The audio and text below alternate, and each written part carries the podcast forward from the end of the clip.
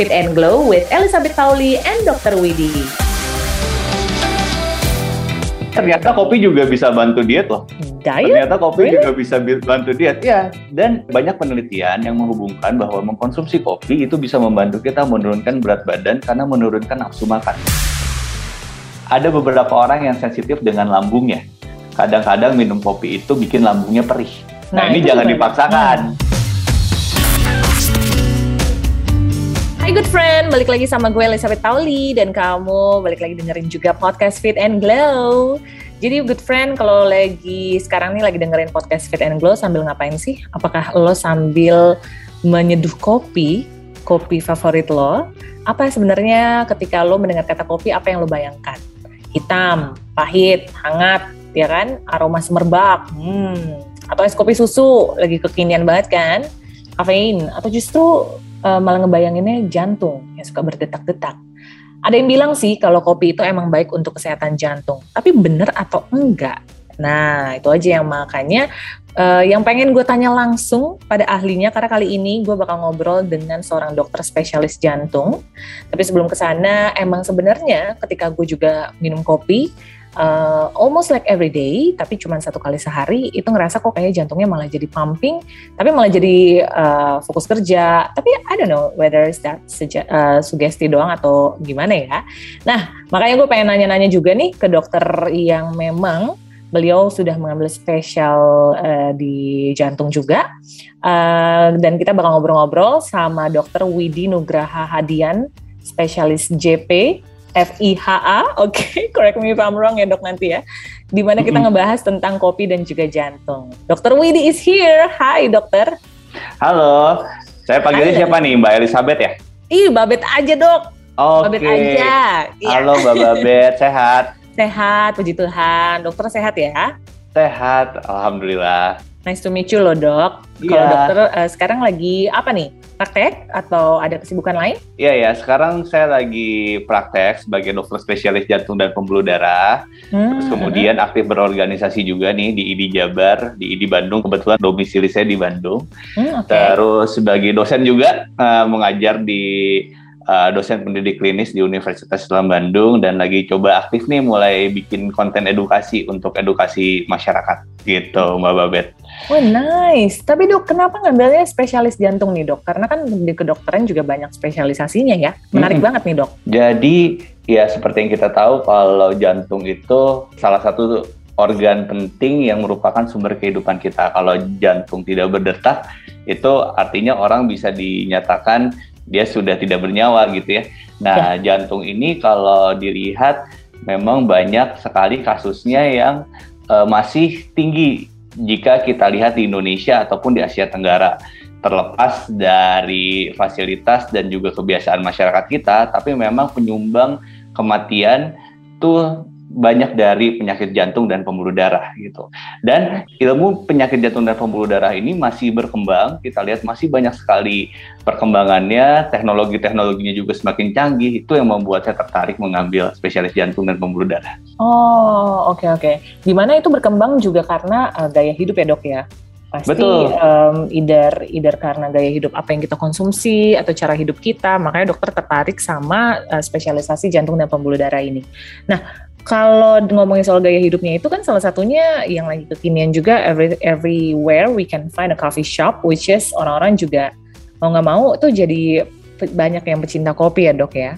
Dan menurut dokter sendiri nih dok eh, gaya hidup yang baik buat diikutin itu sebaiknya kita kayak eh, nggak apa-apa nggak sih minum kopi tiap hari gitu? Atau dokter kopi juga ya? Saya jelas suka sekali kopi. Apalagi di zaman pandemi ini tempat kopi itu kan banyak yang sekarang outdoor gitu ya, eh, lebih space yang luas untuk bisa kita tetap bersosialisasi tapi menjaga protokol kesehatan. Jadi eh, tempat kopi pasti jadi pilihan di era pandemi ini gitu. Jadi ada pun beberapa uh, pro dan kontra katanya kopi itu dulu kan harus dihindari ya tidak baik untuk kesehatan. Tapi di beberapa penelitian yang sekarang muncul justru banyak sekali yang memperlihatkan manfaat kopi untuk kesehatan terutama untuk kesehatan jantung ya sesuai dengan spesialisasi saya. Tapi nanti kita bicara nih kopi yang mana dulu, minumnya berapa banyak, nanti kita jelaskan. Uh, berarti um, kalau misalnya kopi sama jantung ini emang ada hubungannya ya dok ya? Iya betul betul, ada hubungannya mereka uh, berhubungan kopi dan jantung Which itu. Jadi hmm, good gimana? relationship atau bad relationship nih dok? Uh, depends, but mostly now good relationship. Jadi kalau sekarang dulu mungkin beberapa tahun yang lalu makanya ilmu kedokteran itu berkembang yang dulunya ya. nggak yeah. bagus itu sekarang bisa jadi bagus dan ternyata dulu dibilang kan bahwa kopi itu mengandung kafein bahaya buat jantung bisa bikin berdebar bisa bikin darah tinggi gitu ternyata sekarang sudah mulai terbantahkan nih dengan penelitian-penelitian baru yang uh-huh. menyatakan bahwa kopi ternyata banyak sekali manfaatnya untuk uh, pembuluh darah ya sehingga juga uh-huh. mengakibatkan jantung kita bisa lebih sehat gitu. Hmm. Jadi hmm. di dalam kopi itu banyak sekali zat-zat seperti ada kafein gitu ya dan ada berbagai zat lain yang bermanfaat yang ternyata dapat membuat pembuluh darah kita menjadi lebih sehat. Mereka zat-zat tersebut banyak mengandung antioksidan yang dapat menangkal radikal bebas, juga dapat mencegah oksidasi dari kolesterol. Di mana kita tahu nih kan kalau penyakit jantung koroner yang mungkin pernah dengar ya dipasang ring jantung, dipasang ring jantung yeah. karena akibat penyakit jantung koroner itu itu kan karena penumpukan kolesterol. Dan ternyata kopi itu dapat mencegah penumpukan kolesterol di pembuluh darah kita yang dapat berpotensi menyebabkan kerusakan penyakit jantung koroner tersebut gitu. Dan hmm. banyak sekali manfaat lain bahkan di beberapa penelitian disebutkan dapat menurunkan angka terjadinya penyakit gagal jantung hingga 30% loh. Nah, jadi hmm. banyak sekali nih manfaat kopi untuk kesehatan jantung. Tapi apakah semua kopi emang manfaatnya baik untuk jantung dok? Atau ada kayak kategorinya yang baik dan tidak baik dan itu ngaruh ke takaran juga kan dok ada aturan minumnya juga kan ya Oke, jadi segala yang saya katakan hari ini bersumber dari penelitian-penelitian. Jadi saya lihat tuh di sana hmm. penelitian-penelitian itu dia uh, termasuk kopi yang mana aja. Ternyata di sana itu tidak membedakan kopinya uh, cara pengolahannya apa di roasting gitu kopinya atau dia cara penyajiannya pakai V60 atau di hmm. dengan berbagai macam cara yang lain itu tidak dibedakan. Tapi yang jelas kopinya itu kopi pure coffee. Jadi nggak pakai krim, nggak pakai gula gitu. Hmm. Jadi benar-benar oh. pure coffee dan berkafein. Jadi kan kadang-kadang nih kita suka suka denger ya kopi tidak berkafein di decaf gitu yes. kan. Hmm. Nah, kopi di decaf ini ternyata manfaatnya lebih sedikit daripada kopi yang mengandung kafein. Justru kafein ini yang bermanfaat. Jadi kafein yang hmm. kalau kita takar mungkin dari penelitian di sini disebutkan 200 sampai 400 uh, miligram itu sekitar 3 cup kopi sehari ya tiga cup kopi sehari itu baik untuk kesehatan jantung gitu. Jadi berarti takarannya kurang lebih sekitar tiga cup kopi sehari kopinya kopi pure yang nggak pakai krim dan nggak pakai gula karena krim dan gula ini justru banyak mengandung fat dan juga banyak mengandung gula yang dapat uh, berakibat buruk untuk kesehatan kita gitu. Tapi kalau pure kopi kafein dengan takaran yang pas itu bermanfaat untuk kesehatan jantung Nah, sekarang kan udah banyak nih dok yang es kopi susu. Berarti itu nggak direkomend diminum tiap hari ya? Karena gulanya nah, banyak juga ya dok ya? Kalau kita bilang rasa es kopi susu memang enak banget ya. Enak Tapi banget. kalau kita berdasarkan penelitian yang tadi kita cerita gitu, hmm. itu kopi yang termasuk di sana adalah kopi kafein murni. Gitu yang uh, less sugar, less cream gitu. Hmm. Jadi pure coffee. Jadi kalau kita bilang es kopi susu apakah ada dengan adanya kafein di dalam es kopi susu itu mungkin ada manfaatnya tapi manfaatnya tidak akan sebesar yang pure coffee gitu dan si gula dan krim ini justru merupakan uh, hal yang tidak begitu baik untuk kesehatan jantung jika diminum terlalu banyak. Terlalu banyaknya ini takaran gimana nih dok? Dua kali sehari kah atau sekali sehari tiap hari gitu juga nggak baik gitu Kalau gula patokannya agak sulit ya karena kalau gula iya. itu memang dihindari sebetulnya gitu. Jadi kalau misalnya bisa kita tidak terlalu banyak mengkonsumsi gula, apalagi dari minuman-minuman gitu, lebih hmm. baik kita langsung rekomendasikan saja pure tapi tanpa gula, tanpa krim. Hmm. Karena badan orang kan beda-beda ya, bisa jadi kalau misalnya dia udah gula tinggi juga ya nggak baik banget ya kalau minum itu tiap hari juga ya, kopi susu itu ya. Ya, jadi baik yang gulanya tinggi ataupun hmm. yang uh, belum punya penyakit gula gitu masih Mm-hmm. sehat-sehat aja kalau konsumsi gula sih sebaiknya dikurangi gitu karena Yes. gula itu akan mengakibatkan uh, dia metabolisme tubuhnya itu semakin berat gitu. Jadi kalau Hmm. dia muncul gula dalam jumlah yang banyak di pembuluh darah, maka akan mengakibatkan metabolisme tubuh kita meningkat yang nantinya justru akan tidak baik bagi kesehatan tubuh kita.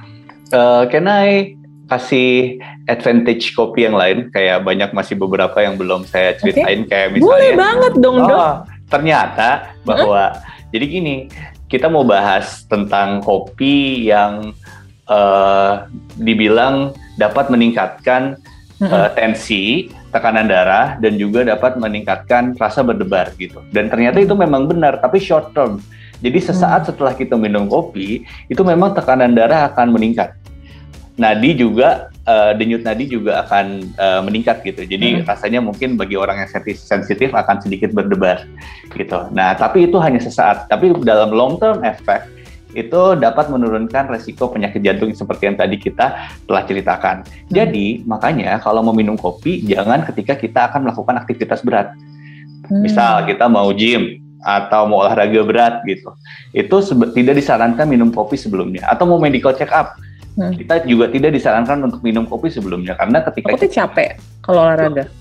Ah, iya, jadi kan akan meningkatkan tensi. Olahraga kan akan meningkatkan tekanan darah. Ketika Mhm. kita beraktivitas, maka tekanan darah itu otomatis akan meningkat. Jadi kita butuh baseline tekanan darah yang steady. Kalau sebelumnya kita minum kopi, maka tekanan darah akan tinggi. Ketika kita olahraga, maka tekanan darahnya akan lebih tinggi lagi. Gitu. Jadi tidak disarankan minum kopi sebelum beraktivitas berat. Gitu. Apa yang terjadi dok? Bakal pusing kah atau mual gitu kalau misalnya dia minum kopi sebelum olahraga berat? Ya, kalau tekanan darah yang tinggi sih jelas tidak baik bagi kesehatan tubuh ya. Artinya dengan tekanan darah yang tinggi, jantung kita akan lebih berat kerjanya dan lebih berat dia karena dia harus memompa melawan tekanan yang tinggi gitu. Jadi Hmm. memang tidak dianjurkan uh, Oke. untuk mengkonsumsi kopi uh, jika akan beraktivitas. Karena jika pun jika kita beraktivitas tekanan darah pun tidak boleh terlalu tinggi sebetulnya kan. Gitu. Hmm. Jadi harus dengan baseline tekanan darah yang normal. Kemudian jika kita beraktivitas tingkat tekanan darahnya akan meningkat secara wajar gitu. Jadi jangan sampai tekanan darah kita sebelum apa-apa udah tinggi nih sebelum kita melakukan aktivitas olahraga. Hmm. Berarti ada jeda waktunya ya kalau misalnya kita mau minum kopi sebelum berolahraga misalnya sejam, dua jam gitu ya dok ya? Betul. Jadi efek peningkatan sementara itu eh, kurang lebih sekitar 15 sampai 20 menit setelah kita mengkonsumsi kopi Hmm. itu mulai tuh tekanan darahnya agak tinggi. Ya. Tapi itu hanya short term. Jadi 1 sampai 2 jam setelah itu akan menurun gitu. Yes, Jadi nggak ada yes. masalah. Jadi harus ada jeda, betul. Alright, Gitu. ah nice. Info baru nih kalau ternyata ber Betul dan ternyata kopi juga bisa bantu diet loh. diet. Ternyata kopi Really? juga bisa bi- bantu diet. Ya, dan banyak penelitian yang menghubungkan bahwa mengkonsumsi kopi itu bisa membantu kita menurunkan berat badan karena menurunkan nafsu makan. Jadi kalau orang sudah mengkonsumsi kopi, dia nafsu makannya akan tersupresi, akan tertekan gitu. Jadi Hmm. dia tidak akan terlalu appetite-nya itu tidak akan terlalu tinggi gitu. Sehingga dapat membantu dia untuk menjaga asupan makanan yang masuk karena mau gimana pun juga mau bagaimanapun juga berat badan yang tinggi itu diakibatkan karena asupan yang banyak dan aktivitas yang sedikit gitu kan. Nah, jadi ketika kita mengkonsumsi kopi itu dapat menurunkan nafsu makan, appetite sehingga dapat membantu kita untuk menurunkan berat badan. Nah, nice, nice. Alright, tapi tetap ya kopinya kopi hitam ya guys. Yes, yes, Le- kopi murni less ya. sugar, less cream. Yap. Mau arabica, mau robusta boleh, tapi Yap. uh, uh, gitu, less sugar, less cream. Tapi dok, kalau misalnya seseorang minum kopi setiap hari, itu sebenarnya baiknya jam berapa sih dok? Apakah benar kalau misalnya minumnya di atas jam 6 sore itu malah nanti dia malamnya nggak bisa tidur? Ya, jadi kopi ini punya kafein. Kafein itu jelas adiktif. Jadi makanya orang yang sudah menikmati kopi akan terus menikmati Yes, kopi betul. karena kafein ini adiktif gitu. Hmm. Uh, dan dia memiliki efek uh, salah satunya jadi membuat kita tetap terjaga lebih sulit tidur. Jadi kalau misalnya memang tidak perlu-perlu amat minum kopi malam misalnya begadang untuk melakukan pekerjaan dan yang lainnya tidak disarankan karena tetap pola hidup sehat juga salah satunya adalah tidur yang cukup. Mm-mm. Jadi kalau kita mau mengkonsumsi kopi, sebaiknya kita harus tahu dulu eh, waktu-waktunya. Nah, waktu biasa untuk mengkonsumsi kopi jelas sih pagi, siang dan sore hari kalau saya sarankan. Karena Oh, itu tiga kali sehari gitu aman ya dok? justru tiga kali sehari yang dapat menurunkan resiko menurunnya penyakit jantung hingga 30%. Just one, gitu. one cup doang tapi kan, satu cup kecil gitu atau um, takarannya itu loh dok maksudnya. Jadi kalau di penelitian itu disebutnya tiga cups. Tiga cups cangkir nah, kopi ya? tiga cangkir kopi, tiga cangkir okay. kopi. Jadi kalau hmm. dihitung hmm. kafeinnya, tiga cup itu setara dengan 200 sampai 400 mg gitu. Jadi hmm. mereka punya takarannya yang takaran kopi yang baik, takaran kafein yang baik untuk kesehatan jantung itu 200 sampai 400 mg sehari. Itu setara dengan kurang lebih tiga cangkir kopi. Oke. Okay. Tapi yang pasti anak-anak, anak-anak itu eh, nggak uh, boleh sebenarnya tidak disarankan untuk uh, minum kopi karena dia uh, efek kafein itu kan salah satunya menjaga kita tetap terjaga ya. Jadi kita hmm. agak kurang tidurnya jika kita minum ya. kopi. Nah, anak-anak tuh waktu tidurnya itu ya. harus harus harus banyak karena waktu tidur anak-anak itu membuat otak dia berkembang. Jadi ketika anak-anak tidur, otak anak-anak itu berkembang. Hmm. Jadi kalau anak-anak dikasih kopi, khawatirnya mengganggu waktu tidur mereka sehingga oh, otaknya perkembangan otaknya terganggu yes. gitu. Nice, nice. Very good information Dokter Widi. Thank you banget loh udah ngejelasin banyak banget mengenai hubungannya kopi, relationshipnya kopi and, dan jantung kita, which is sebenarnya great. Uh, satu hal yang bagus kita minum kopi uh, mungkin bisa tiga kali sehari, tapi dengan catatan nih, good friend, uh, kopinya itu less cream, less sugar. Karena kalau misalnya minum es kopi susu tiap hari juga kasihan badan kita malah kebanyakan gula nantinya. Dan kalau dari krimnya juga bisa jadi uh, banyak gulanya, Um, Fasting but not less. Jadi yes. ada beberapa orang yang sensitif dengan lambungnya. Kadang-kadang minum kopi itu bikin lambungnya perih. Nah, nah ini jangan dipaksakan. Hmm. Jangan, jangan dipaksakan, dipaksakan ya. Jangan dipaksakan. Jadi ada uh, kopi memang baik kesehatannya untuk jantung, tapi jika memang memiliki sensitif memiliki tubuh yang sensitif terhadap kopi, misalnya jadi perih asam lambungnya atau bahkan berdebarnya terasa berlebihan sehingga merasa tidak nyaman, ya itu uh, dikembalikan lagi kepada individunya gitu karena yes. tidak semua orang uh, cocok untuk minum kopi walaupun manfaat kopi setelah diteliti untuk kesehatan jantung baik dan kalau misalnya minum kopi kalau misalnya kita mau olahraga berat juga tidak disarankan untuk minum kopi yes. uh, dengan dengan waktu, jarak waktu yang dekat at least sejam dua jam sebelum olahraga berat itu kalau kita tetap mau minum kopi ya uh, jangan terlalu mepet gitu ya sama jam olahraga kita yay Betul. Thank you so much Dokter Widi dan kalau good friend pengen tahu lebih lanjut tentang Dokter Widi bisa main ke Instagram Dokter Widi ya di @dr.widihadian ya dok ya. Betul, Mas eh Mbak Babet. Oke, okay, at dr.widihadian. Alright. Betul, alright. Dan jangan lupa juga good friend bisa dengerin Fit and Glow podcast ini uh, dan bisa dengerin obrolan kita di Delta FM, Bahana FM, dan Female Radio dari hari Senin sampai Jumat jam 10 pagi sampai jam 4 sore. Thank you dok, see you. Thank you. Fit and Glow with Elizabeth Pauli.